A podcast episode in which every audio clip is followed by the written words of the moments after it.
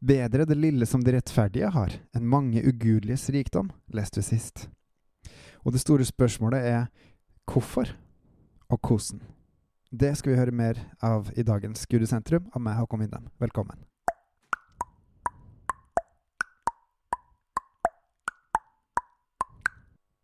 I vers 17 i Salme 37 står det videre, For de ugudeliges armer skal brytes, men Herren støtter de rettferdige. Herren kjenner de ulasteliges dager, deres arv skal bli til evig tid. De skal ikke bli til skamme i den onde tid, i hungerens dager skal de bli mette.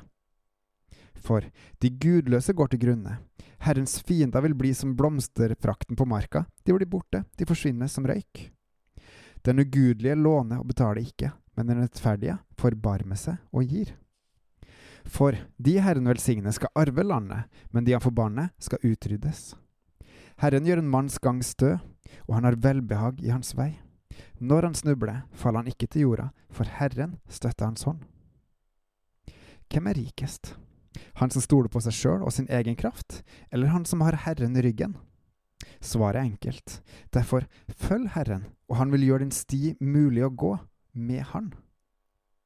Videre står det, Jeg har vært ung og blitt gammel, men har ikke sett den rettferdige forlatt, eller hans avkom lete etter brød. Hele dagen er han barmhjertig, og låner ut, og hans etterkommere blir til velsignelse. Vik fra ondt og gjør godt, da skal du bo trygt for evig.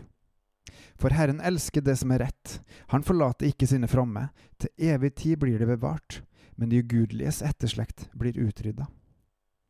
De rettferdige skal arve landet og få bo i det for evig. Den rettferdiges munn taler visdom, og hans tunge sier det som er rett. Så her har vi faktisk en del av oppskrifta. Og så er jo også spørsmålet hvordan får vi tak i denne visdommen? Jo, hos Gud og Han alene, gjennom Hans ord i Bibelen og direkte til oss. Videre står det, Hans Guds lov er i hans hjerte, hans trinn vakler ikke. Den ugudelige lurer på den rettferdige og søker å drepe han.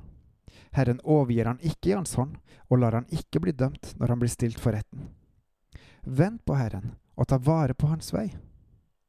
Vent på Herren og ta vare på hans vei. Så skal han opphøye deg til å arve landet. Du skal se at de ugudelige blir utrydda. Jeg så en ugudelig tyrann. Han utbredte seg som et grønt tre i sin egen jordbunn.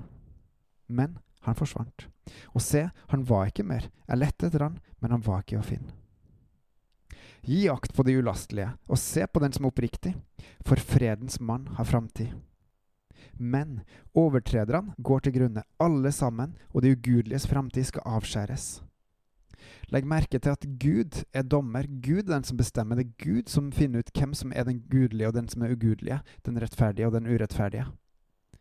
Du har ansvar for å sørge for deg sjøl og din familie og de du har rundt deg. Hjelp de du kan. Søk hans visdom, søk hans sannhet.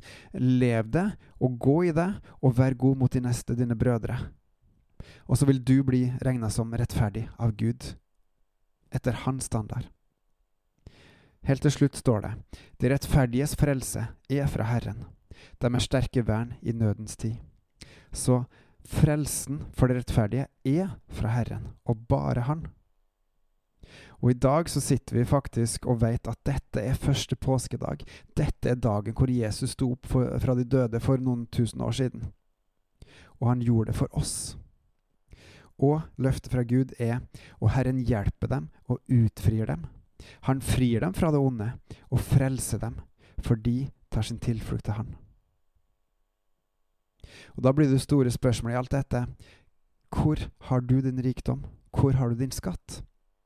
Lar du deg friste av den jordiske rikdommen som du ser andre har rundt deg, eller lar du friste av at du har Gud med deg? Følg Herren og Hans ord. Det Han sier, er sant. Bebels og på gjenhør.